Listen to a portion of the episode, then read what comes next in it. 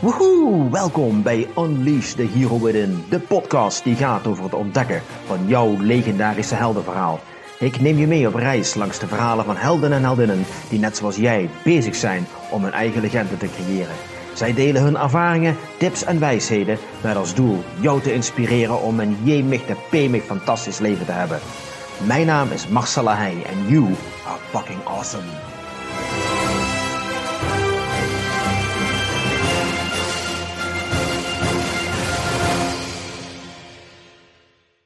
Hallo en welkom bij een nieuwe aflevering van de podcast Unleash the Hero Within. En vandaag heb ik een hele bijzondere speciale uitzending.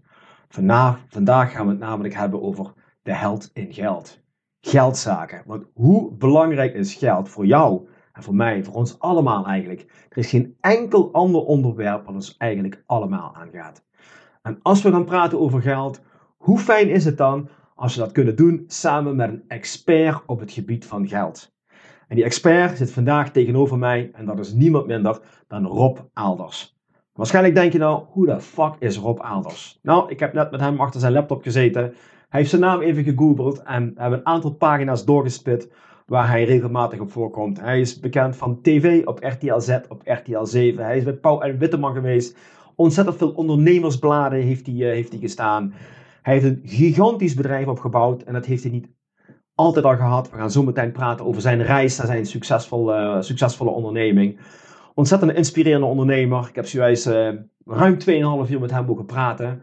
En gelukkig staat hij ons nog bereid om te praten over zijn verhaal. Over geld, over succes, over mindset, over jou. Rob, hartstikke welkom en bedankt dat je tijd voor ons vrij wilt maken. Heel graag gedaan. En uh, ik wil uh, beginnen met een vraag te stellen. Eigenlijk twee. Wat vind je belangrijker? Geld of liefde? En als iemand dat vraagt aan je, denk je, ik moet kiezen. Maar eigenlijk zijn ze allebei even belangrijk en niet te vergelijken. Dus je hebt en geld en liefde nodig. En um, met geld kun je ook geen liefde kopen, geen echte liefde. Dus, uh, maar geld heb je wel nodig. En um, je moet proberen om zoveel mogelijk geld te vergaren, om daarmee te kopen wat je wil. Dus geld is een middel mm -hmm. en nooit een doel. Mm -hmm. Dus ga nooit uit van het verdienen van geld, maar ga uit van het dromen wat je met geld kan kopen. Mm -hmm. Dus eigenlijk is er liefde nodig om aan geld te komen? Ja, zeker weten. Maar niet liefde voor geld, maar liefde voor allerlei mooie dingen in deze wereld. Andere mensen helpen, um, mooie dingen kopen, houtsnijwerk, schilderijen, een mooie auto. Um, en die auto die vertegenwoordigt wel wat geld, maar eigenlijk is het een symbool van jouw liefde voor de techniek of voor kunst of allerlei andere manieren. En natuurlijk heb je geld nodig om van te leven, want in onze samenleving betaal je met geld ja. en niet met een koe en ja, ik heb me laatst ook niet uh, bij Albert Heijn zien betalen met liefde. Dus uh, daar heb je dat, dat voor nodig. Uh, hoe belangrijk is geld voor jou? Geld is voor mij het allerbelangrijkste. Als we het hebben over financiën, de financiële huishouding en dat soort zaken. Dan een andere vraag zou kunnen zijn: hoe belangrijk is jouw gezondheid? Mm -hmm. En dan ga je merken dat alles met elkaar te maken heeft. Als je geld belangrijk vindt, dan moet je je lichaam ook belangrijk vinden. Je gezondheid, je relaties. Dus al die dingen moet je samen zien. Je kan niet puur alleen uh, uh, naar de wereld kijken door uh, een geldbril. Mm-hmm. en als je waarde kan leveren, dan krijg je ook geld. Dus concentreer op dat soort dingen. Alleen alles wordt afgerekend met geld. Uh, misschien niet uh, in de hemel aan het einde, dat je in de weegschaal moet gaan staan, mm -hmm. maar de rest wel. Dus uh, het is wel belangrijk. En als je zegt dat je succesvol bent, dan zeg ik, mag ik je bankrekeningen zien. Mm, Want ja. daar, dat is in onze samenleving uh, het meten van jouw succes. Ja. Helaas niet door het aantal levens dat je hebt veranderd of aangeraakt. Nou ja, aan de andere kant, als jij het in je hebt om levens te veranderen, om mensen daadwerkelijk geluk te brengen, dan zal dat ongetwijfeld kunnen betekenen dat als je zakelijk goed inzicht eh, hebt, dat je daarmee meer geld kunt vergaren. Dus eigenlijk komt het erop neer, hoe kan ik mijn talent, mijn passie, mijn gave, mijn instrument inzetten om andere mensen te helpen en daarmee geld mee te, mee te gaan verdienen. Allereerst moet je bedenken dat je hobbels moet over, overkomen. Mhm. En je moet start with the why, Sinek. Mhm. Als je why groot genoeg is, zijn die obstakels, die hobbels, te overkomen. Eh, want met passie alleen eh, eh, kom je er niet. Mindset ook niet. Maar, want mindset, voor mij de laatste tijd, is een ander woord voor emoties. Ehm, en je moet je emoties eh, eh, eh, niet kunnen uitschakelen, maar je moet daar vrij snel afstand van kunnen nemen. Je moet dingen niet zo persoonlijk opvatten. En je moet constant blijven zoeken naar oplossingen. niet concentreren op het probleem. En, en dit soort dingen heb je zo vaak gehoord. Mhm, mhm. Maar ik heb het in de praktijk meegemaakt, net zoals vele andere succesvolle mensen. Dus ja, je hebt een passie. Ja, je moet het delen. Eh, eh, maar hoe doe je dat? Mhm, Eh, want je wil je bereik zo groot mogelijk hebben. mhm. En daar komt het stukje doelen stellen. Als jij weet wat voor een doel je hebt, dan weet je hoeveel tijd, energie en obstakels je moet overwinnen. Mhm. Dus ja, dat is een lange antwoord op jouw korte vraag. Oké, laten we even teruggaan in de tijd, want we hebben het nu over het heden inderdaad, maar het is nog niet zo heel erg lang geleden dat jouw leven er heel anders uitzag. Je vertelde me toen straks, je hebt, eh, je bij Cool Blue gewerkt. Ehm, daar was je eh, manager. En met 52 jaar heb je daar te horen gekregen, it's the end of the line for you. Dus je werd ontslagen, je stond op straat. En toen, 52 jaar, zonder baan, in de functies die niet echt voor het oprapen liggen. Wat ging er toen door je heen? Oké. Laat me heel even een korte periode daarvoor afgaan. Oké. Ik was 87 kilo zwaarder dan nu. Oké. Ik had hartproblemen, gezondheidsproblemen. Ik werkte lange dagen, lange uren. En mijn lijf kon het niet volhouden. Dus ik was wel ziek. Ik moest eh, een uh, katheterisatie door. Had ik allemaal doorstaan. Ten tweede, mijn moeder overleed. Dus ik was eigenlijk als werknemer of als persoon was ik van het padje af. En toen ik mijn baan kwijtraakte, en ik, ik, ik, ik omschrijf het in het boek Upturn, was dat de grootste crisis in mijn leven. Want ik werd uitgespuugd door de economie. En ik draag Coolblue een heel, heel warm hart toe. Het is een ongelooflijk bedrijf. En ik sta er niet van te kijken dat ze zo groot zijn geworden. Alleen, ik was niet meer bruikbaar. Ik, ik had geen waarde meer voor het bedrijf. En dan is het een logische stap om iemand, zo iemand, uh, uh, uh, ja, daarvan afstand te nemen. Voor mij heel pijnlijk. Want wat doe je als je 52 jaar oud bent? Een manager en in de logistieke sector. Uh, qua levensjaren, 52, heb je niet veel kans op een nieuwe baan. De logistiek was zwaar aan het automatiseren, dus ja, daar had ik ook niet echt veel uh, kans in. En een manager, nou ja, managers zijn niet meer van deze tijd, tenzij je een topmanager bent. Maar middelmanagement, nee. En toen sloeg de paniek toe. Mijn reptiele brein zei: ga een baan zoeken. En natuurlijk had ik een uitkering aangevraagd bij het UWV. En ik ging op zoek naar een baan. Honderden brieven de deur uitgegooid. Geen enkele antwoord gekregen. En toen ben ik, heb ik me ingeschreven bij een multilevel marketingbedrijf. Netwerkmarketing. En ik dacht, nou ja, weet je, ik ga mensen recruteren die producten verkopen. En we gaan als grote groep, gaan we veel verkopen. En daar ontvang ik grote commissie uit. That's it, that's the plan. Mm-hmm. En het bedrijf, waar, de multimarketingbedrijf waar ik toen mee bezig was, die was een van de mede-organisatoren van de National Achievers Congress in Amsterdam. Ik ging naar Amsterdam met pak, aktentas, vol met folders en productmonsters. In de trein en ik denk, ik ga daar naartoe om te netwerken en een team op te bouwen. Mhm. Fake it till you make it. Mag ik vragen welk product, eh of welk bedrijf je toen voor Het werkt? bedrijf was ACN. ACM, oké. En ik kom daar binnen in de RAI Amsterdam. Marcel, ik dacht dat ik in een secte was gestapt. ik zie daar podia met sprekers, heel actief. Daar groepen met mensen, allemaal blij en klappen. En er kwam een vrouw naar me toe en zei: Hey, Robert Kiyosaki komt morgen. En ik denk: Wie is Robert Kiyosaki? En ze zag mijn verwarde gelaat. En ze zei: Jij weet toch wel van Rich Dad, Poor Dad? Mhm. Ik denk: "Uh-uh. Ik ben de weg kwijt. Ik weet echt niet wie dat is. En het boek ken ik ook niet.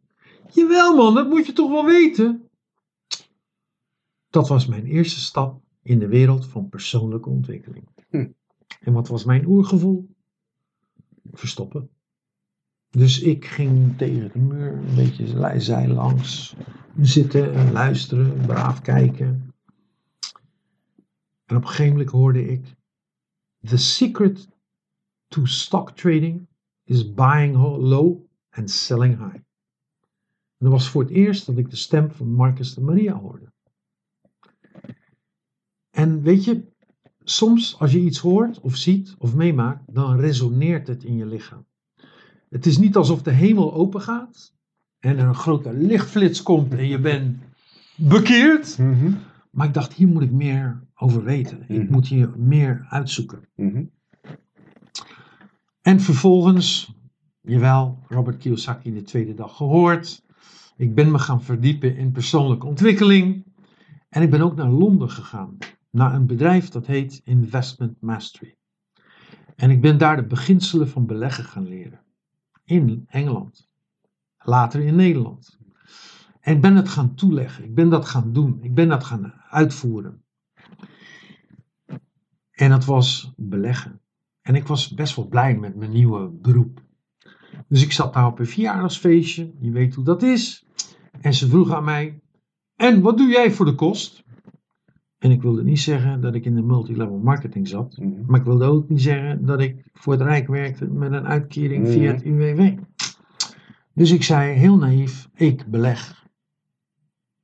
En toen kreeg ik een stortvloed over me heen. Nee man, beleggen is gevaarlijk, dat moet je niet doen. En bababing, babang, bo- Ik denk, oh jee, oh jee, oh jee, hier gaan we weer. Dus ik ging leren beleggen. Ik was heel onzeker. En de mensen en mijn omgeving om mij heen zeiden, joh, ze verklaarden me voor gek. En toch bleef ik doorgaan. Want ik geloofde dat het wel kon. Ik geloofde en ik ging lezen over mensen die het wel hadden gedaan. En ik ging op afstand modelleren. En elke keer dat ik op mijn bek ging, dacht ik: oké, dit is een leermoment. En ja, geld verliezen is pijn. Maar als je denkt bij beleggen, het verliezen van geld is een onderdeel van het proces. Dan heb je een andere inkijkhoek. Mhm. En dan weet je wat het betekent je winsten zo groot mogelijk laten lopen en je verliezen zo klein. Maar verlies is een onderdeel van het proces. Mhm. En ik ben beter gaan worden, maar ik bereikte een bepaald plafond. En ik wist niet waarom. Ik ging wel naar de Millionaire Mind Intensive. En in 2015 begon ik mijn eigen coachingsbedrijf, Rob Aalders Coaching. Mhm. En door andere mensen te leren beleggen en door in de mindset te helpen, de emoties, Mhm. ben ik beleggen beter gaan begrijpen.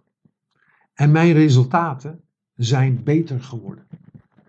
Dus ik ging meer winst maken in beleggen en investeren. En ik bleef ook crewen, dus als vrijwilliger meewerken aan eh, de Millionaire Mind Intensive, aan eh, workshops, eh, beleggingsworkshops, allerlei andere dingen. En daarin had ik voor mezelf een bepaalde accountability systeem neergezet. En dat was het volgende. Ik had met mezelf afgesproken dat als ik in een slechtere situatie of een gelijkwaardige situatie zou zijn als de vorige keer dat ik vrijwilliger was, Mhm. zou ik mezelf het plezier van vrijwilliger afnemen. Zou ik niet gaan. Door dat te doen, merkte ik, stel voor dat ik over een maand weer zou helpen bij de MMI als vrijwilliger, en ik had weinig gedaan om vooruit te gaan, dan, had, dan deed ik in dat laatste maand zoveel dat ik het wel had verdiend. Dus in dat, hè, drie maanden ben je dan lui, je doet weinig, en dan denk ik, oh shit, nu kan ik niet naar de MMI. Mhm. Laatste maand knallen, knallen, knallen, knallen. Snap je? Mhm. Dus ik was weer bij de MMI omdat ik in een betere plek was dan de vorige keer. Ja. En ik ging naar workshops, maar ik ging met de mentaliteit van ik ga niet wachten om iets uit te voeren totdat ik thuis ben. Ik ga nu, waar al die mensen zijn, waar al dit hele netwerk zit, ga ik nu dingen in praktijk brengen. Dus ik wachtte nooit tot een einde van een workshop. Ik begon al de tweede of de eerste dag van de workshop te netwerken, naar mensen te zoeken die ik nodig heb, of accountability groepen of coachingsgroepen. En zo heb ik mezelf kunnen omringen met mensen die mij beter maakten. En daar ben ik ook heel dankbaar voor. Want je netwerk brengt je ook verder. Mhm. En zo ben ik stukje bij beetje verder en verder en verder gegaan. Maak, ik heb zoveel fouten gemaakt, ook in het ondernemerschap. Maar door die fouten heb ik geleerd. Ik sla mezelf niet om de oren. Ik zeg gewoon, het is een leermoment. Maar ik vier ook mijn overwinningen. En dat is ook een belangrijk aspect. Je brein werkt zo. Overwinning, endorfine, blijdschap, dat soort dingen. En hoe vaker je die, dat gevoel naar overwinning gaat, hoe meer je daarnaar verlangt. En dan blijf je niet vastzitten in de problemen en je verliezen, maar je wil dat gevoel weer hebben. Ja, dus ja, dan doe je ja. er alles voor. En ik ken heel weinig mensen die alles ervoor willen doen. En dat zijn juist de mensen die het wel halen. Nog één telefoontje extra. Nog een uurtje extra werken. Nog in plaats van op de bank zitten, nog een keer naar de sportschool gaan. Maar zet het systeem zo op dat je geen keuze hebt. Je moet het doen. Een van mijn coaches, Dr. Mary Cox, een Engelse vrouw, schat van een vrouw, uit Zuid-Afrika, woont in Engeland, is ook een belangrijk iemand geweest. Maar wat heb ik van haar geleerd? Ze zei tegen mij: Rob, als jij op de bank gaat zitten, moet je het gevoel hebben dat je het hebt verdiend. Zit je op die bank en heb je iets niet gedaan, moet je dat alsnog gaan doen en dan pas genieten. Mhm. Gek hè, heel simpel. Maar dat doe ik nog steeds. Hm. Op het moment dat ik op de bank zit, denk ik, had ik nog iets kunnen doen of niet? Mhm. Zo ja, sta ik op en ik doe het. Ja. En dat soort dingen, dat zijn mechanismes, die, die, dat, dat wordt een onderdeel van jezelf. En, en, en, en ja, dat, dat werkt fantastisch, want het drijft je. Het drijft je voorwaarts. Ehm, dus denk je, nou weet je wat, ik ga naar de sportschool. En, ja, je bent super gemotiveerd. Maar als er iemand in de straat wacht op zijn fiets om met jou naar de sportschool te gaan, dat is meer motivatie dan dat jij denkt, oh, ik moet gaan. Ja. En dan moet je afspraken maken. Daarom Account- moet je netwerken, met mensen praten. Accountability. Ja. Je moet het zo in elkaar draaien dat je geen keuze hebt. En dan drijf je jezelf naar succes. Is dat hoe jij het gedaan hebt? Jezelf bepaalde verplichtingen gesteld van dit moet je doen? Ik, het woordje verplichtingen bestaat niet. Je Nee. moet doen wat je wil doen, omdat je alles eruit wil halen. Een verplichting is voor mij iets waar geen passie in zit. En alles wat ik doe, is met passie. Ja, oké, het woord verplichting kan je niet. We gingen net Ja. nu het interview in en ik zei: Dit is het belangrijkste moment van mijn leven. Wat ik nu ga doen, wil ik perfect doen. En zo wil ik alles gewoon doen. Het kan anders uitpakken. Mhm. Natuurlijk kan dat zo zijn. Maar ik heb het alles gegeven wat ik heb gedaan. Zie je jezelf als een perfectionist? Niet meer. Nee. Ehm, het streven naar perfectie is wel belangrijk. eh, maar dan komt de gezegde naar mij: shoot for the moon and land halfway. And you've still done a fucking great job. Mm. Mhm. Jij zei net, eh, vier je successen. Ehm, je hebt ook minder leuke dingen ervaard. Hè? Die zijn, zijn de leermomenten die je zegt. Wat was voor jou het meest vervelende of het meest harde leermoment? In het begin was het verliezen van geld op de beurzen, omdat ik mijn strategie niet volgde. Ik volgde de regels niet. En in het begin moet je dat wel doen. Marcus, mijn mentor, zegt altijd: als jij appeltaart wil hebben, moet je het recept voor appeltaart volgen. Totdat je een appeltaart kan maken. Daarna mag je het aanpassen. Dat was het begin. En daarna, ik wilde zoveel mogelijk mensen helpen. Maar later kon ik dat niet. En ik moest een keuze gaan maken. En nu help ik mensen die gemotiveerd zijn. Je zegt net, later kon ik dat niet. Wat, wat bedoel je daarmee? Er waren zoveel mensen en ik had maar 24 uur per dag. Oké, iedereen wilde geholpen worden door jou. Rob was degene eh, die het succes had gemaakt. Rob was degene die geld had verdiend uit de beurs. Ik wil het van hem leren. Ging het jou makkelijk af, het beleggen? Want je, hebt, je bent in 2012 begonnen. Je bent natuurlijk heel snel heel succesvol geworden. Je hebt heel snel heel veel geld kunnen eh, eh, verdienen. Is dat een talent in jou? Want ik, ik heb meerdere mensen die beleggen, ongetwijfeld de luisteraar ook. Zit er iets in jou waardoor jij dingen ziet die andere mensen niet zien? Nu wel, toen niet. Het is gewoon, een, een, een andere beleggers snappen wat ik bedoel. Chart time. Ga naar grafieken kijken en ga daar lezen het verhaal van de rode strepen, angst, en de groene strepen, hebzucht. Ga dat lezen. En in het begin denk je het verhaal te kunnen lezen, alleen daar krijg je de verkeerde conclusies van. En na verloop van tijd ga je dat beter lezen. En dat heb ik door eh, eh, een boek van Malcolm Gladwell geleerd. Outliers. En daarin staat 10.000 keer iets doen. En dat is, als je iets nieuws wil leren, moet je iets 10.000 keer doen. Maar dat moet je bereid zijn om te doen. Dus ik was geen beleggingsguru, maar ik luisterde graag. En, en dat zeggen veel van mijn coaches en mentoren ook over mij. Hij komt elke keer terug. En dan zeggen we, Rob, waarom kom je nou terug? Je kent dit allemaal. Je hebt dit allemaal gezien. Je weet het allemaal. En dan zeg ik, er valt altijd iets te leren. Hm. Elke keer als ik naar een workshop ga, zie ik iets anders. Leer ik iets anders. En dan zeg ik, en dit heb ik van de MMI geleerd. De gevaarlijkste woorden die je kan uitspreken is, I already know that. Het is net een ui, alle laagjes zijn anders. Open blijven. Leer.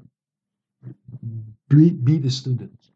Ja. Ook al ben je de master, wees open. Ga leren, ga kijken. En dan zie je dat en dan merk je dat. En dan word je steeds beter. Maar de wil om beter te worden, dat zit al in je. Mm. Dat kan je ook ontwikkelen. Alleen dat gaat niet over één dag ijs. Mhm. Het is een reis. Mhm. En jij noemt de reis. Je hebt daar een hele mooie kaart voor. Het is een reis. En het is met goede momenten, het is met pijnlijke momenten, het is met leermomenten, het is met successen, het is met alles.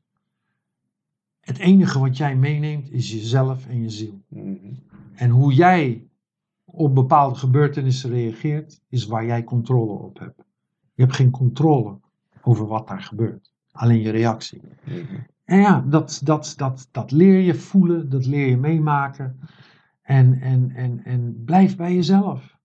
Blijf bij jezelf. Blijf wie je bent. Ga niet jezelf veranderen om iets te worden wat je eigenlijk niet bent. Nee, vaak is geld natuurlijk ook een leidraad. Hè? Dat mensen denken, ik ga mezelf een stukje kwijtraken, zodat ik maar aan het geld kan komen wat ik zo hard nodig heb. Wat zou je tegen die mensen willen zeggen? Want eigenlijk zeg je, blijf bij jezelf, geld is ook belangrijk. Hoe kunnen we die twee perfect laten samensmelten? Daar heb je me.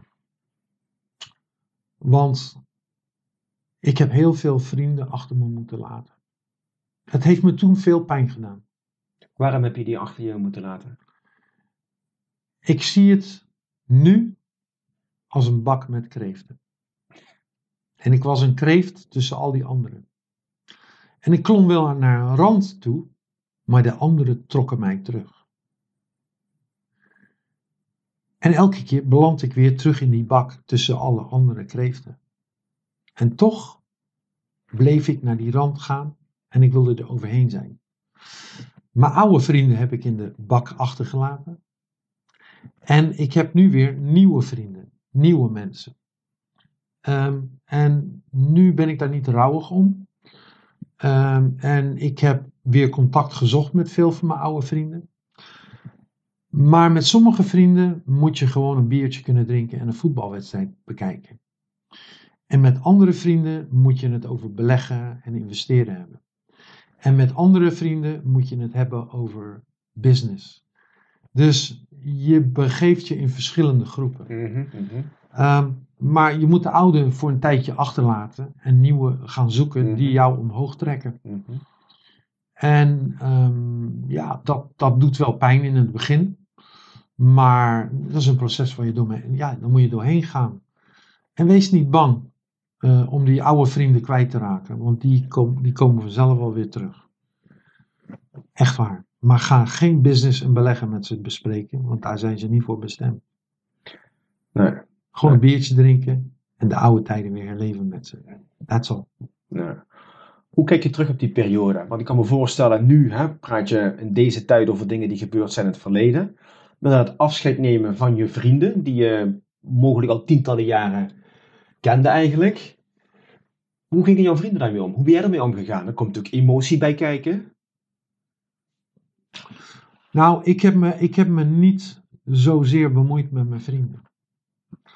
Want ik wilde vooruit. En het had niets met mijn vrienden te maken. Het had met mezelf te maken. Ik neem ze het ook niet kwalijk. Want van hun standpunt eh, denken ze dat jij richting gevaar en onzekerheid gaat. En dat Mhm. is ook zo. Alleen toen wist ik dat ik, dat ik voor andere dingen bestemd was. En ik had begrepen dat ik mijn leven niet met een anders leven moest vergelijken. Mhm. Want als je dat doet, dan ga je iets in iemand anders leven zien wat jij niet hebt. En wil jij ook.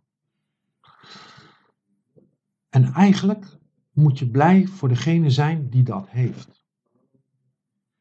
En nu krijg ik een uitspraak, een heel belangrijke. Wees tevreden met wat je hebt. Onderweg naar wat je wil. Hm. En het eerste deel wordt altijd uitgesproken. En het tweede deel niet. Ja, Wees tevreden met wat je hebt. Onderweg naar wat je wil. ja. Dan zijn we nu in 2019 beland. Ik ben op jouw bezoek, op jouw mooie bedrijf in Rotterdam. Daar werken inmiddels 20 mensen voor jou, geloof ik. Ja. Hebt een ontzettend succesvol bedrijf eh, opgebouwd. Ehm, wat zijn jouw plannen voor de toekomst? Je bent 59 jaar jong. Eigenlijk zit je pas 7 jaar in deze business. Het is ongelooflijk wat jij in die 7 jaar opgebouwd hebt. Hoe gaan de komende 3 tot 5 jaar eruit zien? Wat zou je nog graag willen neerzetten? Wat zou je graag willen bereiken? Wat is jouw grote stip aan de horizon? Allereerst wil ik heel graag hebben dat als ik er niet ben, dat mensen zeggen, hij heeft een verschil gemaakt. Hij heeft gezorgd dat mijn leven beter werd. Ze hoeven niet om mij te rouwen, maar dat ze aan, ja, aan mij denken. En dat is legacy. Ik laat dan ook een ander legacy naast. Mijn familie hoeft nooit meer te zorgen om geld. En het gekke is dat ik al geld heb gespaard voor mijn ongeboren kleinkinderen. Hey. En dat heb ik in zeven jaar tijd gedaan. En dan zeg ik, wat wil ik nog doen? Nou, ik wil mensen helpen om financieel onafhankelijk te worden door middel van gezonde financiële principes. Door iets wat niet leuk is, je financiële huishouding, om dat leuk te maken, zodat mensen beseffen dat ze, als ze daar aandacht aan besteden, dat ze meer dingen in hun leven kunnen doen. En ik wil graag hebben dat mensen niet meer in een dilemma zitten. En is het volgende. Toen ik veel tijd had, had ik geen geld. Toen ik veel tijd, veel geld had, had ik geen tijd. Geld en tijd om de dingen te doen die je heel graag wil. En hoeveel pijn is er niet van mensen die zeggen: Ja, ik moet werken. Ik moet naar een bedrijf. Ik moet dit doen. Ik moet dat doen. En ik ben weg van mijn gezin. En een heel sterk en mooi voorbeeld daarvan was toen mijn vader in een hospice lag in België, stervende was aan kanker.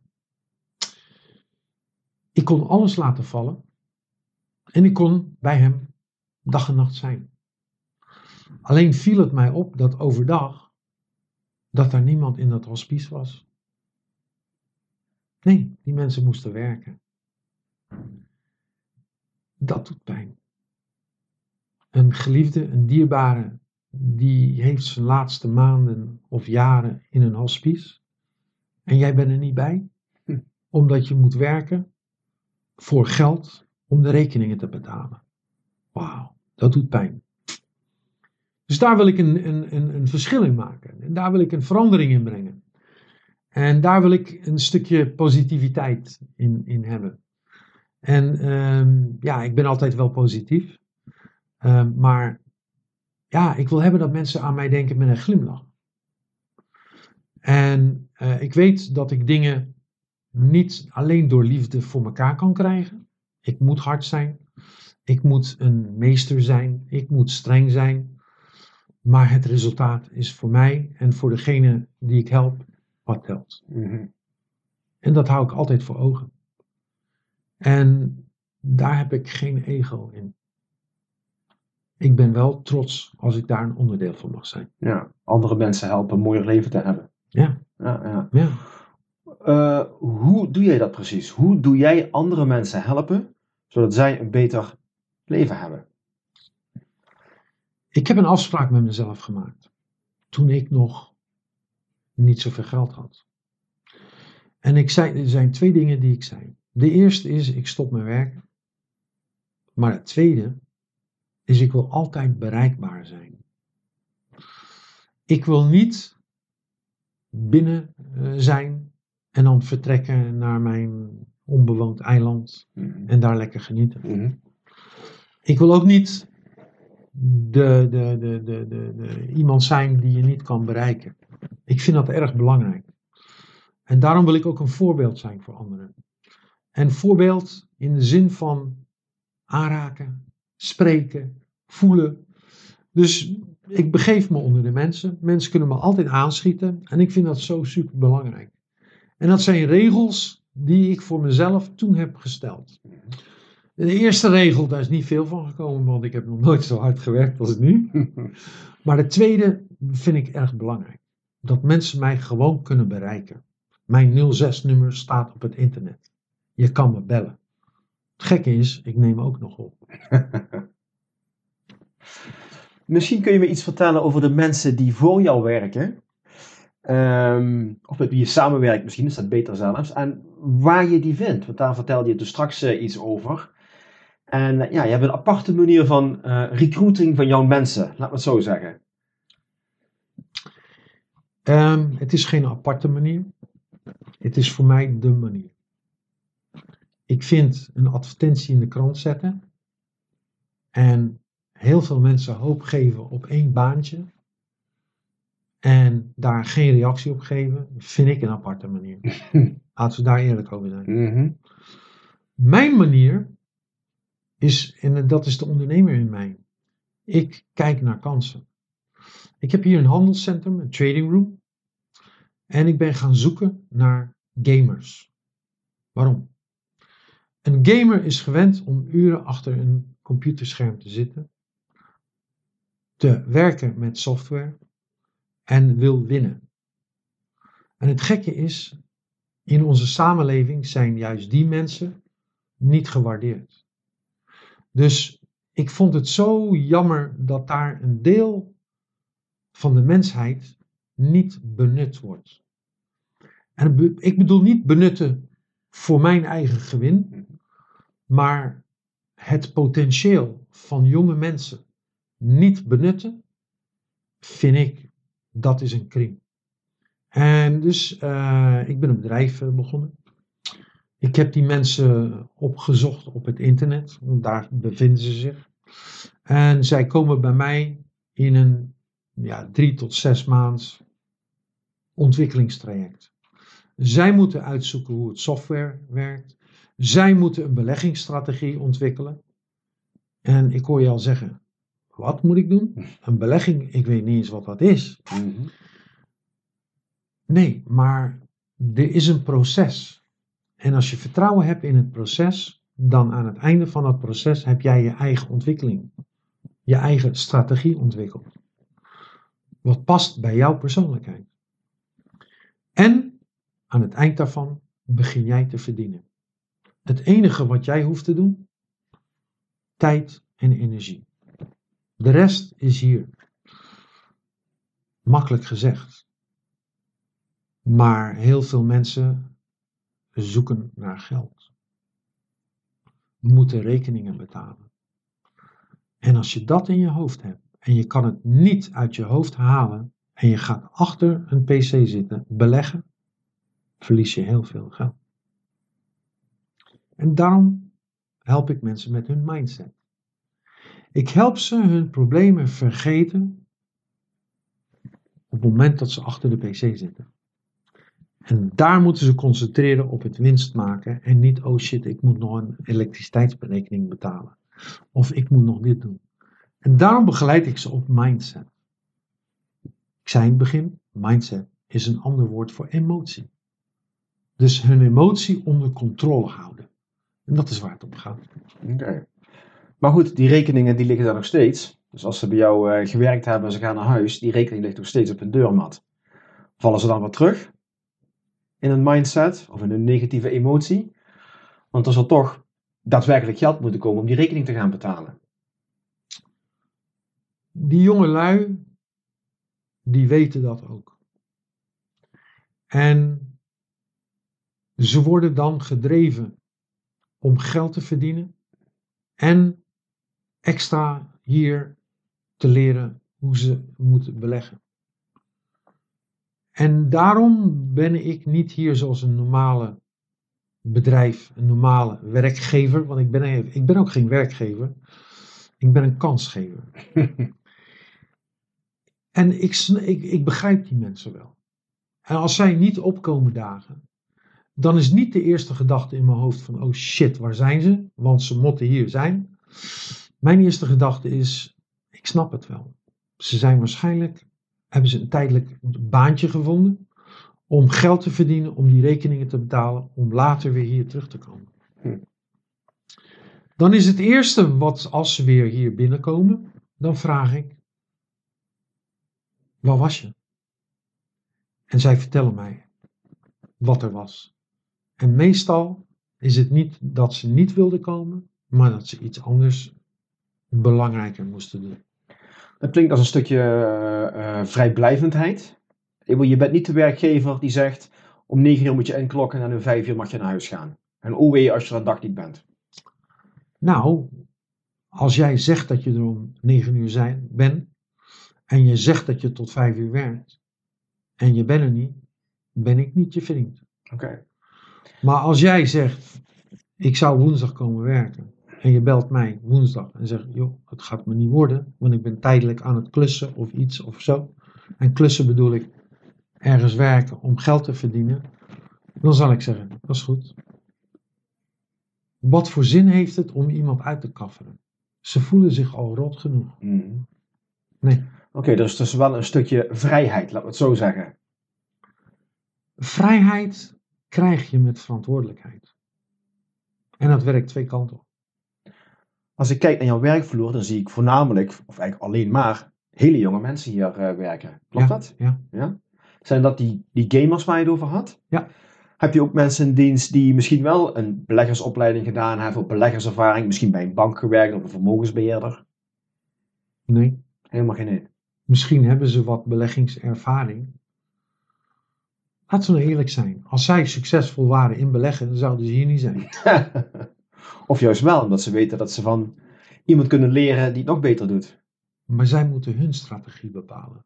Bepalen Dat doe, ik, dat doe ik niet voor hen. Maar jij geeft ze wel de tools aan, zodat ze zelf een strategie kunnen bepalen, of niet? Ja.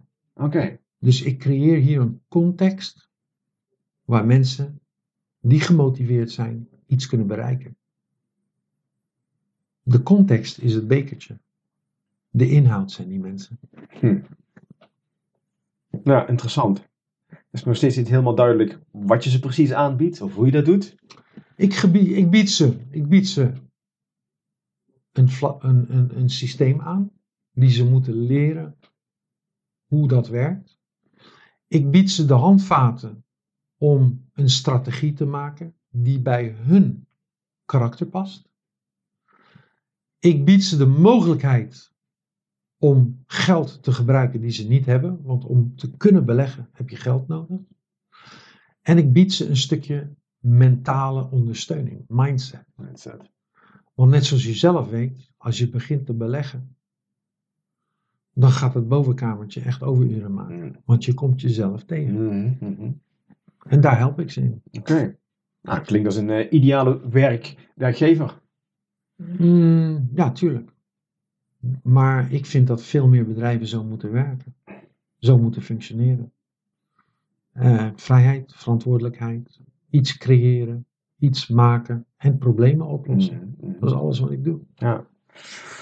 Ehm, zou je misschien iets meer kunnen vertellen over praktische geldtips? Voor de mensen die nou aan het luisteren zijn, die zeggen, ja, heel mooi en aardig, maar ja, ik kan niet naar Rotterdam komen om bij jou te komen werken of een opleiding te volgen. Wat zijn nou praktische dingen die ik eigenlijk meteen kan toepassen in mijn leven, waardoor ik al een andere kijk ga krijgen op mijn geld, een andere mindset ga krijgen op mijn geld? Nou, de dingen die ik ga vertellen zijn niet nieuw. Heb je vaker gehoord.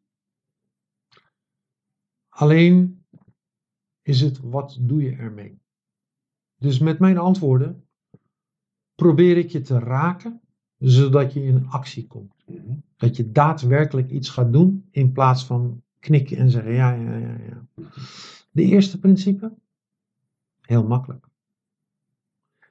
Geef minder uit dan dat je verdient. Daar begint het mee. En investeer het verschil. Heel makkelijk.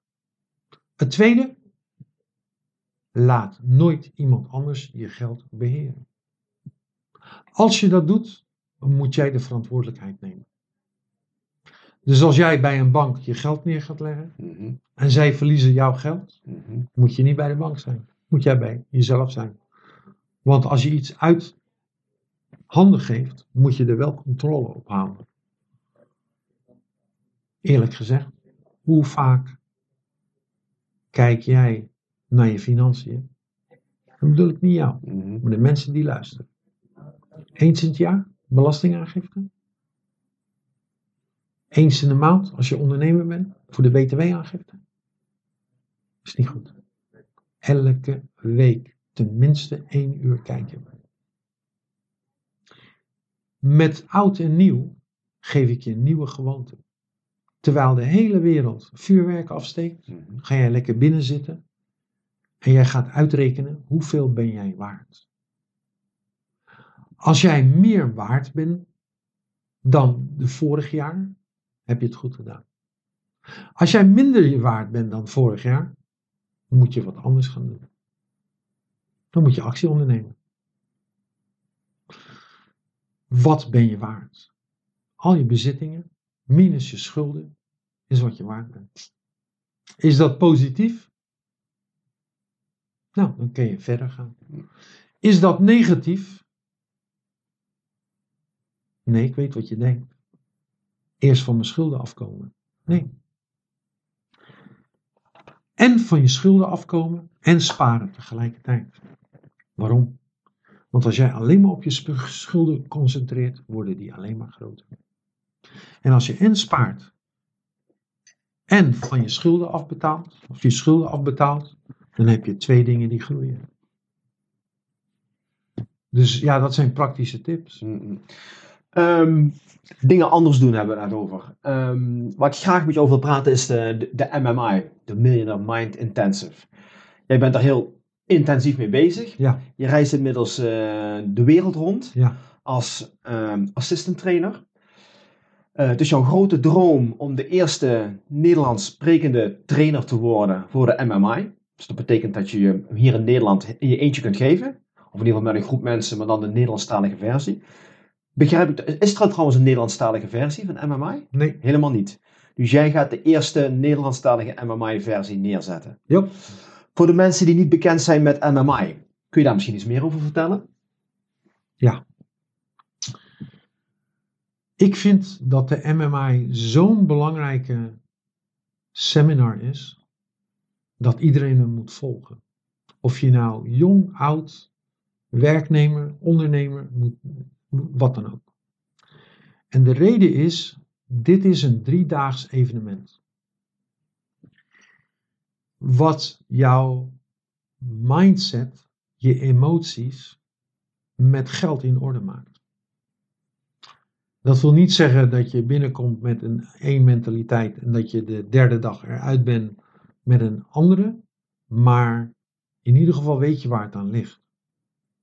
Dan ga ik een voorbeeld geven. Het is warm. En je hoort dat de ijskoman de straat binnenrijdt. Weet je, dat tingelingeling, Mhm. tingelingeling. En je bent een jong meisje. En je loopt naar je moeder en je zegt, mama, mag ik een euro? Mama zegt, ik heb geen geld. Je moet naar je vader gaan. Het meisje loopt naar papa. Papa, mag ik een euro voor een ijsje? Papa geeft haar een euro. Ze gaat een ijsje halen. Daar zit een stukje software wat op jouw harde schijf gezet wordt. Wat is het? Vrouwen beheren geen geld. Op haar latere leeftijd leert ze beleggen, maar ze maakt geen winst. Omdat dat stukje software haar onderbewustzijn saboteert. Snap je hem? Mhm, Zeker. Hoe belangrijk zou het zijn als jij van dat schadelijke software, als je daar vanaf kan komen? Mhm. Dat leer je bij de MMI. Oké, een driedaagse training. Een driedaagse training. Dat is een klein onderdeel. Mhm. Je leert daar hoe je je geld moet, eh, moet eh, beheren. Ehm, je relatie met geld, hoe belangrijk dat is, je noemt het maar op. Mhm. Alleen heeft de Millionaire Mind Intensive een erg ongelukkige naam. Want wij hebben een associatie met miljonairs. Mhm. En dat is gelijk je associatie met geld. Mensen met geld, die hebben de boel opgelicht. Of ze hebben oneerlijk, eh, op oneerlijk, of ze hebben het geërfd, of wat dan ook. Die gedachten worden ook bij jou getransformeerd. En je geldblauwdruk is de blauwdruk die je altijd bij je blijft houden. Dat wil zeggen, als jij geprogrammeerd bent om een ton per jaar te verdienen, is dat jouw niveau. Mhm. Als jij geprogrammeerd bent om 50.000 euro te verdienen per jaar, is dat jouw niveau. Verander je blauwdruk, verander je leven. Daar krijg je echt gereedschap mee. Oké. En als ik me niet vergis, zijn de kaartjes nog eh, heel goedkoop of zelfs gratis soms. Uh, kijk regelmatig op uh, Facebook Mhm. voor de Millionaire Mind Intensive in oktober in Nederland, in Den Haag. Ga, gewoon gaan. Ja. Gewoon gaan. Waarom? Ook al koop je premium kaarten of ook al koop je VIP kaarten, je investeert in jezelf. Ja, dat is de beste investering die je kunt doen. That's it. Ja. That's it. En ik ben er ook. Uh, ik loop er ook rond. En ik ben er om mensen te helpen. Want je komt jezelf wel tegen. En de emoties vloeien. Ja. En wat is nou niet mooier dan emoties? Want dat was eigenlijk rommel wat in je lijf zit. Mm, wat eruit moet. Ja, maar je moet in een veilige omgeving zitten Mhm. om dat eruit te laten komen. En de MMI is ook een veilige omgeving. Waar dat kan gebeuren. En je kan dingen delen. En nou ja, je kan niet delen dat er drie lijken in de achtertuin zitten die vermoord. Maar de andere dingen mag je wel delen. Ja, ja, ja. ja. Hé, hey, dat is toch... Wauw, man. Gooi je al je bagage eruit. En dan kan je weer gaan zeilen. Nieuwe dingen erin. Ja, ja, ja, Dat is wel belangrijk. Ja, ja, ja. Hey, ik wil graag met jou eens praten over, eh, over onze toekomst. Eh, niet over de toekomst van jouw dromen, wat je neer wilt zetten, maar over de toekomst van geld. Want eh, ja, de laatste crisis is er weer in 2008 geweest. We zitten nu in 2019. Ik heb vaak het idee dat er een eh, storm aan zit te komen. Ehm, jij vertelde me vorige week, we zitten er al in eigenlijk. Ehm, hoe zie jij onze financiële toekomst en in hoeverre speelt Bitcoin en cryptocurrency daarin een rol? Oké. Het grote verschil tussen 2008 en nu is blockchain. En een onderdeel van blockchain is cryptovaluta. De bekendste is Bitcoin. In 2008 had men geen keuze. Want je moest, ja, je had je geld op de bankrekening eh, en je had aandelen en je had eh, weet ik veel wat. En dat werd ineens twee derde minder waard. Nu heb je wel een keuze. Want nu kun je zeggen, weet je wat, ik ga vooruitkijken. Ik ga eens on- echt serieus onderzoeken, wat is dat blockchain en wat zijn cryptovaluta. Alleen zit daar een eh addertje onder het gras. Want wat is echt nieuws en wat is nepnieuws? Dat wil zeggen, je moet mentaal voorbereid zijn om te sorteren tussen waarheid en nieuws. Ehm, en dat is een nieuw fenomeen eigenlijk voor veel mensen. Maar ga, ga daarin verdiepen.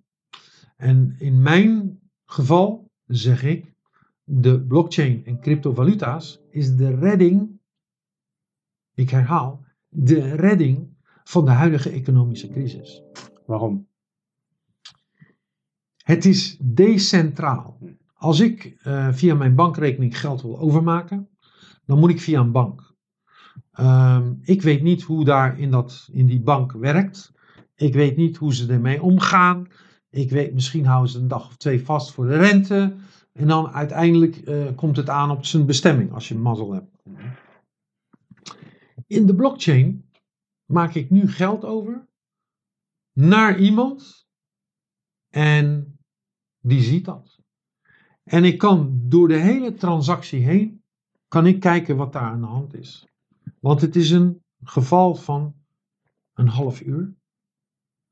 Elke 10 minuten wordt er een nieuwe blok gemaakt. En daar zitten die gegevens in. Stukje amber, met een vlieg erin. Dat is mijn poen. Amber is de blok en ik kan het zien. hey, hoe transparant is dat? En het is decentraal. En ik kan nu de andere kant, kan ik bellen en zeggen, heb je hem al? Ja, ik heb hem binnen. Man, hoe simpel is dat niet? Decentraal. Mhm. Maar de blockchain is nog veel meer. En dat beseffen wij niet. Het is een nieuwe technologie met toepassingen. Ongelooflijk. Als ik zeg dat de illegale kinderhandel met blockchain uit de wereld kan, geholpen kan worden. dan zal je me niet geloven. Maar ieder kind die in een weeshuis terechtkomt en die wordt geregistreerd volgens zijn DNA. En ze vinden dat kind jaren later op een andere plek, kunnen ze herleiden. En als dat kind in een illegale plek wordt gevonden, en dan heb ik het over die illegale fabriekshandel, of in, in werelddelen dat kinderen als bediendes worden gebruikt, of prostitutie, of weet ik het wat. En ze vinden die kinderen, kunnen ze hem herleiden naar waar het kind vandaan komt, waar hij geboren is. Dat wil zeggen, ieder kind die gevonden wordt, is bekend. Nu weten ze niet waar dat kind vandaan komt. Dat kind zelf weet het nog niet eens. Dit is maar een kleine toepassing van de blockchain. Ja. Het, het is hier, het gaat ons wereld radicaal veranderen. Ja. Of je nou de bakker op de hoek bent, of je nou de tandarts bent, jouw business gaat over een paar jaar in de blockchain. Je inkoop, je verkoop, je recepten, je systemen, dat staat allemaal in de blockchain. Hoe kijk je aan tegen beleggen in cryptovaluta en de bitcoin? Beleggen in de cryptowereld moet je tegen kunnen. En we zijn erg emotionele mensen, eh, maar zoveel emotie kan je niet tegen. Ehm, in een dagtijd uh, 40, 50, 60 procent verschil tussen uh, lage en hoge koersen. En dan denk je, wauw, uh, dat is wel leuk. Maar in de praktijk krijgen mensen daar echt problemen mee. En ik vind dat het meer gereguleerd moet worden. Ik zou het fijn vinden als de grootste uh, banken volgens de blockchain gaan werken. En de grootste beleggers volgens de blockchain gaan werken. Transparantie.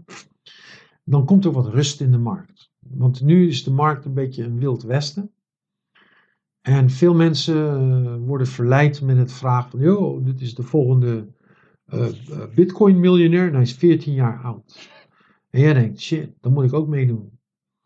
Niet doen. Die markt moet wat rustiger worden. Uh, je moet weten uh, hoe, je, hoe je daarin moet beleggen en investeren. En um, wat ik wel vind, is je moet een tweede inkomen uit investeren en beleggen hebben. Maar je moet de mentaliteit hebben.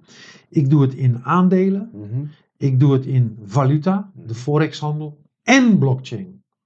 Wet niet op één paard, Mm -hmm. maar gebruik alle drie. De blockchain daarentegen, een kleine investering heeft een hoge opbrengst. Wij mensen zijn verleid dan om te denken: oh, dus als ik een grote investering doe, Ja. dan heb ik een grote opbrengst, dan hoef ik nooit meer van mijn leven te werken. Mhm. Nee, dan vergroot je alleen je risico. Ben jij bereid om zoveel risico te nemen? En hoeveel tijd heb je? Nou ja, Beleggingshorizon.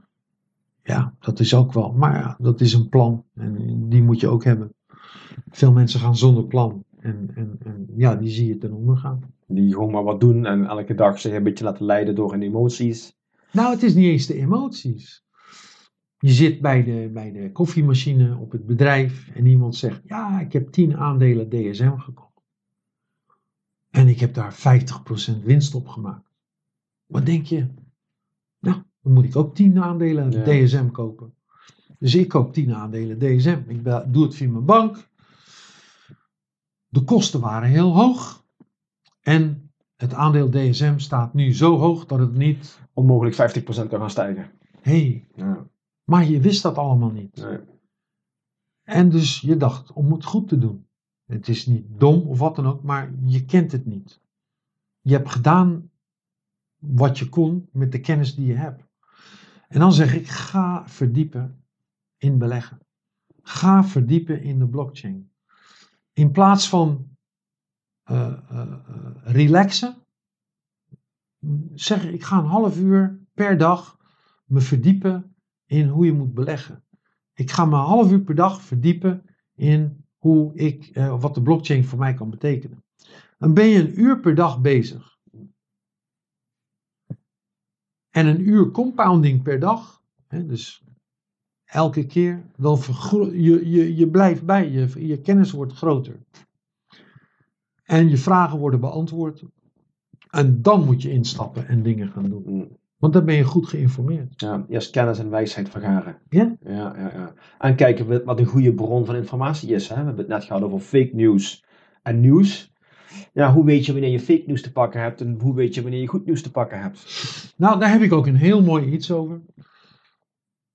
Als jij hebt besloten waar je nu bent, bewustwording, en je hebt besloten waar je naartoe wil, dat dat helder is, dan heb je drie dingen nodig. De eerste is motivatie, want je komt obstakels tegen. De tweede is, je hebt een systeem nodig, een bewezen systeem. En het derde is, je hebt een coach nodig. Want die coach, die doet niets anders dan zeggen, ik weet hoe je je voelt. Maar dat is heel normaal. Dan moet je gewoon doorheen gaan. Of, dat is het probleem, dit is het stukje gereedschap wat het oplost. En waarom accepteren we nou dat je naar een rijschool moet om te leren rijden, autorijden of wat dan ook? En we accepteren niet dat als we iets, net zoals beleggen willen leren, dat we daar ook naar een beleggingsschool moeten. Of iemand die op de plek is waar wij willen zijn. Ja, waarom is dat? Dat weet ik niet. Nee. We, denken dat we het zelf kunnen. Nou, iemand heeft die gedachte in ons hoofd gezet. Ja, blijkbaar. En om de auto te leren rijden, daar moet je naar een autorijschool. En beleggen doe je zelf. Ongelooflijk. En dat accepteren we. Ja, En daarin moet een omschakeling kunnen komen. ja, ja. Ja, ja. Dus ja, eh, eh, eh, ik zou het wel fijn zijn als er een, een beleggingsrijbewijs zou kunnen komen. ja dat je in ieder geval ja. weet waar je mee bezig bent. Ja, en goed, ik kom uit de financiële wereld, hè, de oude financiële wereld. Dus hypotheken, verzekeringen, een stukje beleggingsverzekeringen. In de mond ook wel eens eh, de boekenpolis eh, genoemd, die we allemaal wel kennen. Ja, tegenwoordig zijn er wat van die zelfkennistoetsen. Op het moment dat je financieel producten aanschaft, dan moet je blijkbaar een zelfkennistoets afleggen. Ehm, maar die schijnt zo eenvoudig te zijn dat zelfs eh, ja, een kind van 11 jaar die toets eh, praktisch kan afleggen en kan slagen. En dus een financieel product kan, kan aanschaffen. Dus natuurlijk ook de, ja, de bouwers van die financiële producten, de banken en de verzekeraars. Hoe graag willen die dat wij hun producten afnemen en blijven afnemen? Wanneer worden wij eens wakker en zeggen we: Ik moet niet luisteren naar die banken en die verzekeraars, want die banken en de verzekeraars die hebben hun eigen belang voorop staan. Ze vertellen weliswaar een mooi verhaal, wij zijn voor het belang van onze klant, maar is dat werkelijk zo? Dus hoe belangrijk is het dat wij zelf een keer wakker worden en zelf de regie in handen gaan nemen van ons eigen geld? Oké. Die bankier is ook maar mens. Reken het hem niet af. Je moet het systeem vragen gaan stellen. De overheid, de banken en alle instanties die daarmee te maken hebben. Want onze handel bij de banken is gebaseerd op de derivatenhandel. En de derivatenhandel is begonnen toen een vrouw met appels naar de markt ging, ontmoette een man die honing had en daar gingen ruilen. En daar begint de derivatenhandel. Hoeveel honing kan ik kopen voor één appel? Er is geen maatstaf. Het is hoeveel waarde hecht je aan een beetje honing en een appel. Als jij heel veel appels hebt, wil je heel graag honing hebben. De banken doen dat nu ook. Derivatenhandel. Maar wat zeggen ze? Wij gaan dingen overwaarderen. Dus jouw woning is in waarde gestegen. Het eerste waar een bank aan denkt is, nou, weet je wat? Benut de overwaarde. Zet dat in een beleggingsproduct. En over een aantal jaren heb je voldoende rendement. Maar de basis is, is die overwaarde 100% zeker of niet? Ik heb gemerkt dat dat niet zeker was. En dat op een gegeven moment de huizenmarkt niet instortte, maar de waarde van huizen werden minder. dan is die overwaarde, CQ, het benutten van geld, een schuld geworden. Wiens schuld is dat? De bank, het systeem of jij? Ja, goede vraag. En dan zeggen we, maar als die handel zo lang door is gegaan, moet jij wel bedenken, wil ik daarin meegaan? Wil ik wel zoveel risico lopen als gezin? En daar komt de hoop om de hoek kijken. Ik hoop dat ik een goed belegde boterham heb, zodat ik later rustig met pensioen kan. Maar laat ik het zo zeggen. Als ik geld wil verliezen, wil ik het liever zelf doen. Laat ik het niet aan een bank over. Verantwoordelijkheid. Verantwoordelijkheid, zelf de verantwoordelijkheid nemen. Ja. Ja, ja. Je Ja. kennis gaan vergroten, je mindset gaan veranderen. En daarom kwam ik, toen jij vroeg over die tips. Wat zei ik? Zelf, Zelf. in plaats van één keer in het jaar kijken naar je financiën, elke dag met je neus erop zitten. Ja. Even een half uurtje kijken, waar sta ik? En wat kan ik wel doen en wat kan ik niet doen? Wat, wat zijn jouw gedachten over waar we naartoe afstevenen? Hè? We hebben het net gehad over eh, cryptocurrency. Het is natuurlijk een nieuwe speler in de rol ten opzichte van onze laatste crisis. We hebben het kort al eventjes gehad. Hè? We zitten misschien nou in het, in het voortraject van een nieuwe crisis. Wat zijn jouw verwachtingen voor de financiële toekomst? De kloof tussen de haves en de have-nots gaat heel sterk groeien. De rijken en de armen? En de reden daarvan is dat de rijken hun geld aan het werk zetten en de armen kopen. Dus als je aan de kant van de armen zit, dan moet je een manier gaan bedenken hoe je bezittingen waardevoller kunnen zijn. Oftewel, voordat je iets koopt, ga je afvragen: maakt mij dit armer of rijker? Dus ik, ik, ja, ik kocht geen auto. Ik koop nog steeds geen nieuwe auto. Want het is een bezit toen. Nu is het een vervoermiddel die ik gebruik binnen mijn bedrijf. Dus ik mag het afschrijven. Mijn huis, daar zit een hypotheek op. Waarom? Want dat is een makkelijke lening voor mij.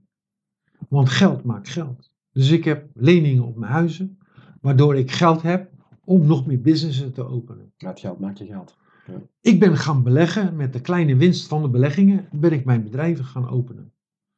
Ehm, dus probeer aan de kant van de rijken te komen en zorg dat je daar blijft. Eh, hoe zie jij de financiële beurzen tegemoet? De financiële? de beurzen, het beursklimaat. Het rommelde een beetje in Amerika. We hebben het handelsakkoord in, eh, in China, wat natuurlijk vaak roet in het eten gooit. We hebben rentes die eh, alleen maar aan het zakken zijn. Negatieve rente wat eraan zit te komen. Het voordeel is, de hypotheekrente is heel erg laag, waardoor de huizenprijzen weer gigantisch aan het stijgen zijn. Werkeloosheid is nog nooit zo laag geweest. En toch heb ik het gevoel, als ik om me heen kijk, hè, op papier klinkt het allemaal geweldig. Maar toch zie ik steeds meer voedselbanken uit de grond eh, komen. Ik zie steeds meer mensen in de problemen komen omdat ze de eindjes niet meer aan, aan vast kunnen knopen. Ehm, de zorgkosten worden alleen maar eh, eh, hoger. Dus eigenlijk op papier staan we daar goed voor. In de praktijk eigenlijk niet zo. Maar er zit iets aan te komen waardoor het eigenlijk nog veel slechter gaat worden. Oké. Door mijn beleggingsmentaliteit ben ik niet bezig met het voorspellen. Dat wil zeggen, ik heb altijd drie scenario's in mijn hoofd. De eerste scenario, alles blijft hetzelfde. De tweede scenario, alles wordt slechter. En het derde scenario, alles wordt beter. Bij al die drie scenario's heb ik al maatregelen genomen. Oké. Dus het zal mijn rotzorg zijn wat de beurzen doen. Ik maak geld als het omhoog gaat en omlaag gaat. Het zal mij een rotzorg zijn wat er met de huizenprijs gebeurt. Want ik heb meerdere bronnen van inkomsten. En dan doet de ene wat minder en de andere doet er wat meer. Dus ik ben bezig om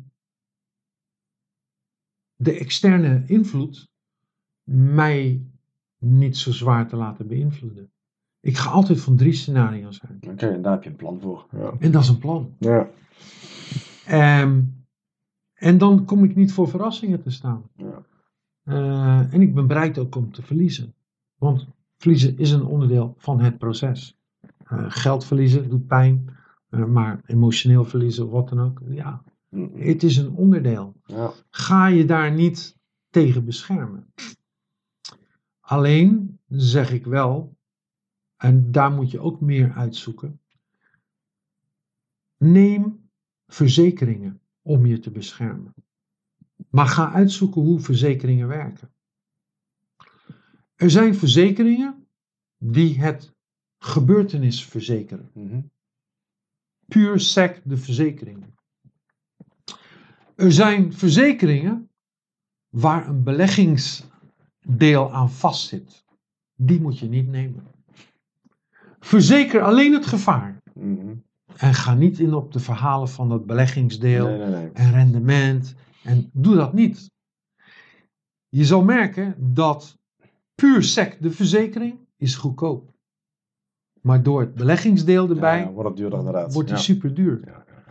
Dus als jij zegt van nou, ik wil een arbeidsongeschiktheidsverzekering, ga je daarin verdiepen. Ehm, ik wil, weet ik het wat, ziektekostenverzekering aanvullend, ga je daarin verdiepen. En ga nooit in de verleiding om te zeggen, oh ja, en eh, met mijn belegd geld dan niet doen. Ja, zelf. Puur de verzekering aanschaffen. Ja, zelf je geld, zelf kijken waar je de kennis kunt vergaren. Ga de regisseur worden van je eigen geldzaken. Inderdaad, ga het niet handen geven. Ik wil graag nog een aantal eh, persoonlijke dingen over jou vragen. We hebben net uitgebreid eh, gehad over, over geld en geldzaken. Maar eh, laten we eens hebben over jou. Waar lig jij wel eens s'nachts wakker van? Ah, ik lig wel eens s'nachts wakker van, ja, gewoon de toekomst. En niet zozeer van, oh, hoe zal mijn toekomst zijn? Maar ik, ja, dan zit ik te denken aan, hoe ga ik dit oplossen? Of hoe ga ik, wat is de oplossing daarvoor? Of eh, ik kijk eh, naar eh, de cashflow van mijn bedrijf. eh, ik weet dat er een probleem aankomt. Hoe ben ik dat een stapje voor? En dat houdt me wel eens eh, wakker s'nachts. En dat is niet echt super uit zorgen, maar meer denken van hoe kan ik dat het beste doen? Of waar vind ik de beste informatie daarvoor? En ehm, dat gebeurt. Mhm, mhm. Als ik, eh, als ik een aantal van jouw goede vrienden op zou bellen en ik zou vragen, wat is nou een echte superkracht die Rob heeft? Het gaat over Unleash the Hero Within, het gaat over de superkracht, de held, de held in jou. Welk antwoord zouden ze daar dan op geven? Ja, ik ben heel open en bereikbaar. Ik bedoel, iedereen kan me bellen. En aan de andere kant zeggen mijn hele goede vrienden van, ja, maar hij is zo fucking druk bezig, man. Nee, ik bel hem niet. Ehm, maar ja, ik ben altijd wel, ja, je kan me altijd bereiken. Ik ben altijd bereid om te helpen. En, en, en that's basic, wat, wat, wat er is. En daar ben ik een superheld in. Oké, heel erg toegankelijk. Ja. Oké, oké, oké. Ehm, Nou, wie kijk jij eh, tegenop en waarom? Ik kijk naar veel mensen. Want iedereen heeft wel een stukje waardoor ik beter van kan worden. Ehm, maar de, als, ik, als, ik, als ik echt wil verbeteren, kijk ik naar mensen die beter zijn. En daar kijk ik naar bovenop. Ja. Ik moet zeggen, ik kijk erg op naar Marcus de Maria. Mhm. Ik kijk erg op naar Paul Harrison. Dat was mijn beleggingscoach, die mij ook het vak, kneepjes van het vak heeft geleerd. T. Harv Eker. Ehm, Robert Kiyosaki, Les Brown, ja, zoveel namen. Daar kijk ik echt tegenop. Mhm. Alleen, wat ik ook heb, is ik zie ze als gelijken. Dus ik kijk niet tegen ze op, maar om me heen. En dat heeft te maken met het feit dat ik vroeger dacht dat hun positie onbenaderbaar was. Mhm. En nu ben ik in die positie, maar ik gebruik het om mij verder te helpen. En, en ja, ik, ik denk letterlijk, ja, hoe zou die het oplossen? Of Mhm. hoe zou die er mee omgaan? Of wat zou hij doen? Of ja, dat doe ik altijd wel. Ja, ja, ja. Wat ervaar je als grootste uitdaging in je leven? Tijd. Tijd. Tijd die je maar één keer kan uitgeven. Oké. Er zijn zoveel leuke, spannende, interessante dingen. Eh, en een dag heeft maar 24 uur. Eh, en daarin moet ik keuzes maken. En dat is het enige wat je niet met geld kan kopen. Ja, ja, ja. The most valuable currency. Dus ja, ik ga heel zuinig met mijn tijd om. Ehm, en ik ga niet in de verleiding of fear of missing out. Wat ik doe, doe ik voor een 100%. En ik kan het maar één keer doen. Ja. Maar voor mij, tijd is een issue. Ik eh, kan me niet zo voorstellen, ja. ja.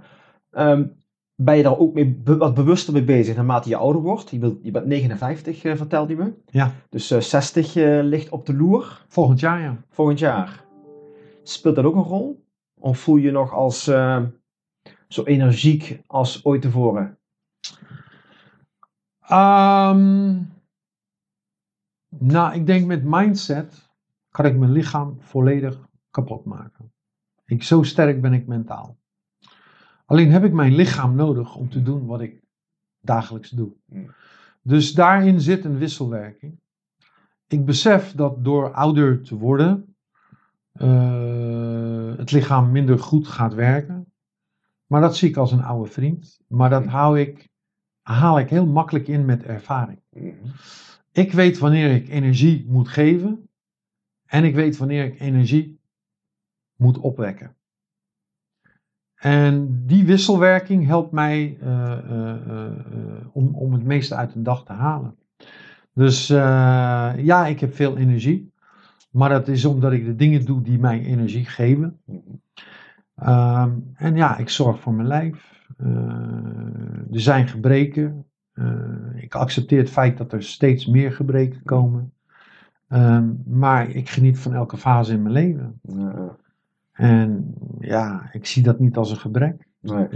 Probeer je ook zo gezond mogelijk te leven? Doe je, doe je beweging, eh, gezond eten, ehm, andere dingen bijvoorbeeld?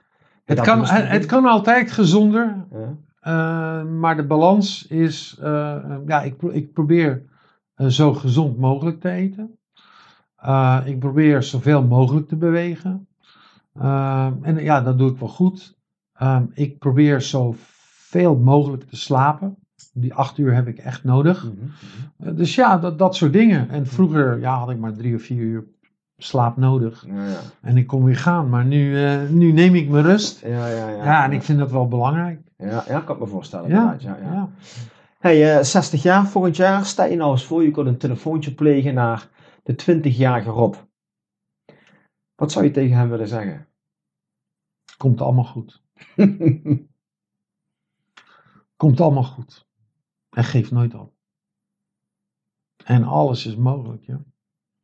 En daar ben ik het levende bewijs van. En dat wist de 20-jarige Rob nog niet. Mm, mm, mm. Ik had de jeugd toen. Ik wist en ik wou dat alles mogelijk was, maar ik botste tegen iedereen en alles. En nu kan ik alles.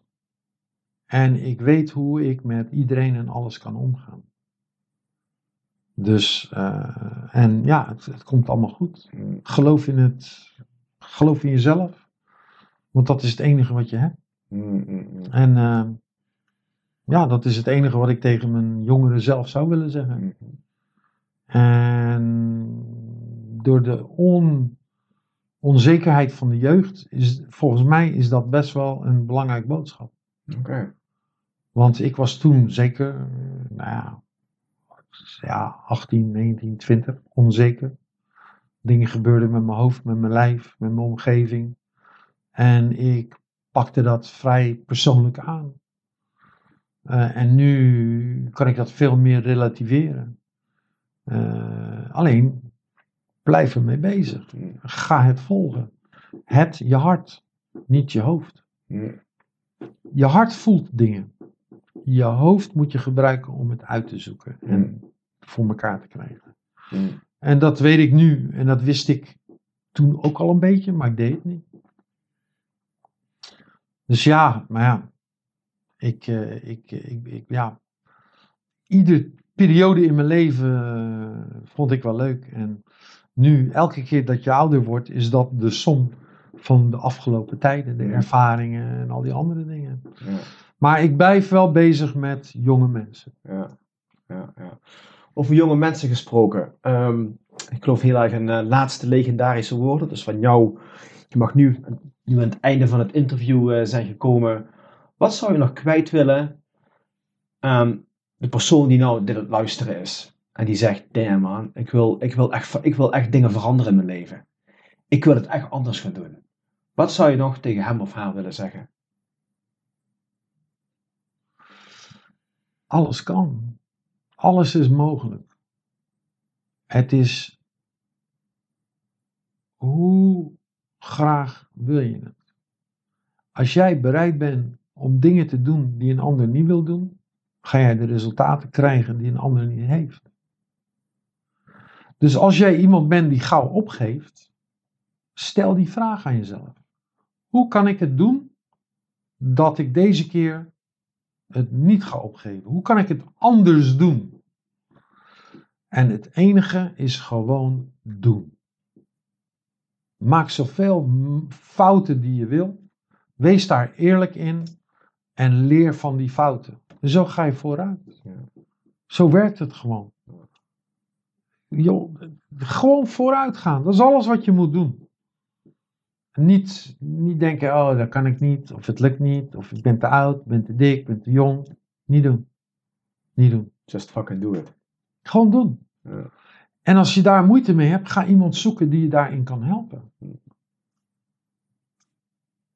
En ja, klinkt heel simpel, maar het is wel een realisatie die je moet hebben.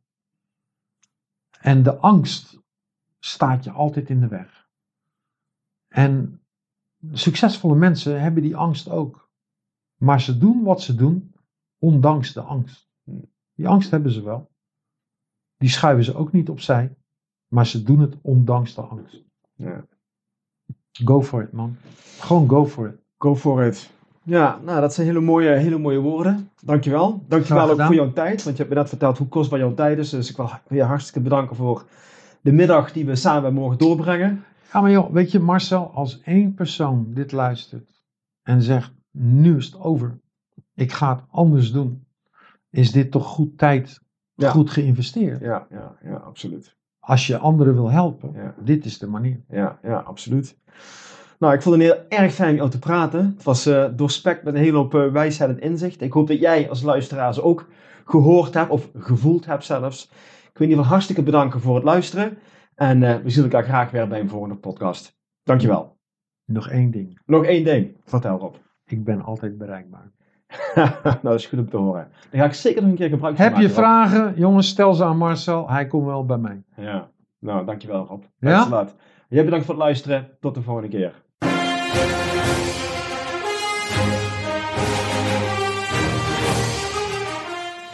Ik hoop dat je net zoals mij weer hebt genoten van de mooie verhalen van mijn gast en er hopelijk iets aan hebt gehad.